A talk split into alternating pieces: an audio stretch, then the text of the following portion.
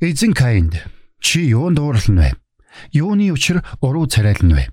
Эхлэл 4-6. Мэргэний сонсог мэдлэгэд хэлэг. Ухаалаг нь мэрэгэн өдрөмжийг мөн авах. Доктор Харалт цаалогийн мэрэгэн зөвлөмж нэвтрүүлэг.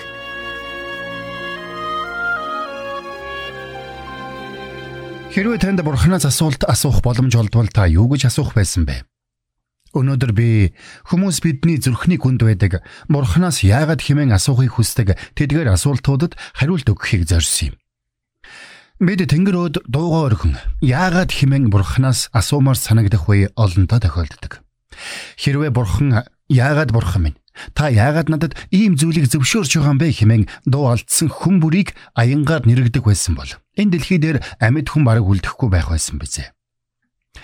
Магадгүй та бурханаас яагаад гэж асуухаас болгоомжилдог бол Библиэл дээрх хамгийн анхны яагаад гэсэн асуултыг хүмүүс бурханаас асуусан бус. Харин бурхан хүнээс тодруулбал Адам, Ева хоёрын хүү Каинаас асуусан байдаг гэдгийг санах хэрэгтэй юм. Төрсөндөө Абела хөнөөсөн Каинаас бурхан чи юунд дуурлана вэ? Юуны учир уруу царайлна вэ хэмээн асуусан тухай Эхлэл 4-ийн 6-ад бичигдсэн байдаг. Харин Каин хариуд нь би мэдэхгүй хэмээн хариулсан байдаг.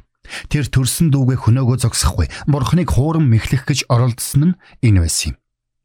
Тэгвэл шинэ гэрээний еврей намд энэ тухай бичигтэй. Түүний хараанаас нуугдах нэгч бүтээл үгүй. Харин түүний мэлмийн өмнө бүгд нүцгэн бөгөөд ил болоо. Түүнд бид тооцоотой. Еврей 4:13 химэн тунхагласан байдаг. Хэрвээ та Библийн конкорданс ашиглаад компьютер дээрээс хайж үзэх юм бол Библиэл дээр олон зуун хүн бурхнаас яагаад гэж асууж байсныг олж харах болно. Тэр бүхэл бурхны хүү Есүс Христ хүртэл бурхан эцгээс яагаад химэн асууж байсан. Учир нь түүнийг бурхан эцэг нь хамгийн чухал цаг үед ганцаарнг нь орхисон байсан. Тиймээс ч Есүс Тэнгэр өөд ширтэн бурхан эцгээс яагаад химэн асууж байсан. Матай Марк номуудад энэ тухай тодорхой өгүүлсэн байдаг. Тэр тухай Матай бичгтээ Есүс чанга дуугаар Ели Ели лема сабахтани гэж хашгирлаа. Энэ нь бурхан минь, бурхан минь, юунд та намайг орхив гэсэн үг аж. Матай 27:46 химэн бичсэн байна. Энэ дэлхий дээр үйлчилж байхдаа эзэн Есүс үе олон хүмүүст сургаалаа айлдаж байсан. Ингэхдээ тэр удаадараа яагаад юуны учир химэн асууж байсан. Жишээ нь уулын сургаалдаа эзэн Есүс та нар юунд хувцас хонорт санаа зовно вэ? Талын сараа нь хэрхэн ургаж буйг ажиглаж тэд зүдэж зүтгэдэггүй, ээрмэлж хийдэггүй. Гэвч би та нарт хэлье.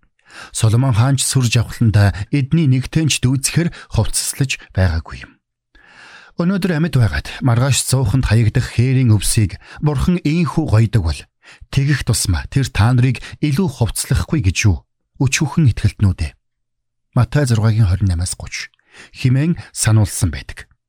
Эзэн Есүс өөрөө ч хүмүүсээс нэг биш удаа яагаад гэж асууж байсан. Тэрээр нэгэн удаа нүдэн дэх дүнзээ анзаараагүй атлаа юунд чи ах トゥ гийнхээ нүдэн дэх үрцгийг харна вэ? Матай 7-гийн 3 химэн асууж байсан. Галил нуурын дээгүүр дэгдсэн хүчит шуургыг намж байхдаа эзэн Есүс шавнараас юунд айцхан вэ?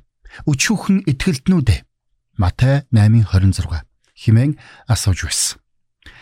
Эцэст нь хэлэхэд бид бурхны өмнө зүрх сэтгэлээ уудлан яагаад бурхан минь яагаад заавал би гэж химэн чин сэтгэлээсээ асуух үед бурхан бидэнд ууралж хэлгэндэг болов.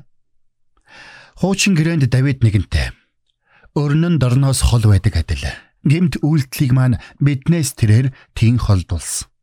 Эцэг хүн хөвгүүдээ өрөвддгийн адил эзэн өөрөөс нь эмээгчдийг өрөвддөг. Учир нь хэлбэр дүрсийг маань тэрээр мэддэг. Биднийг тоос шороо гэдгийг санаж байдаг.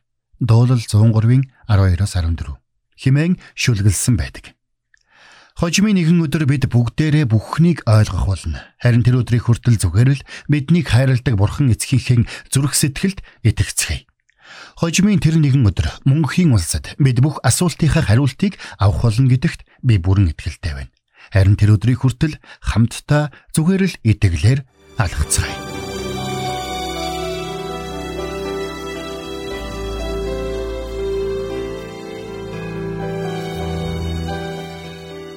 Мэргэн нэгнийг дагуул мэргэн, мулгуутай нөхөрлөл хорлол.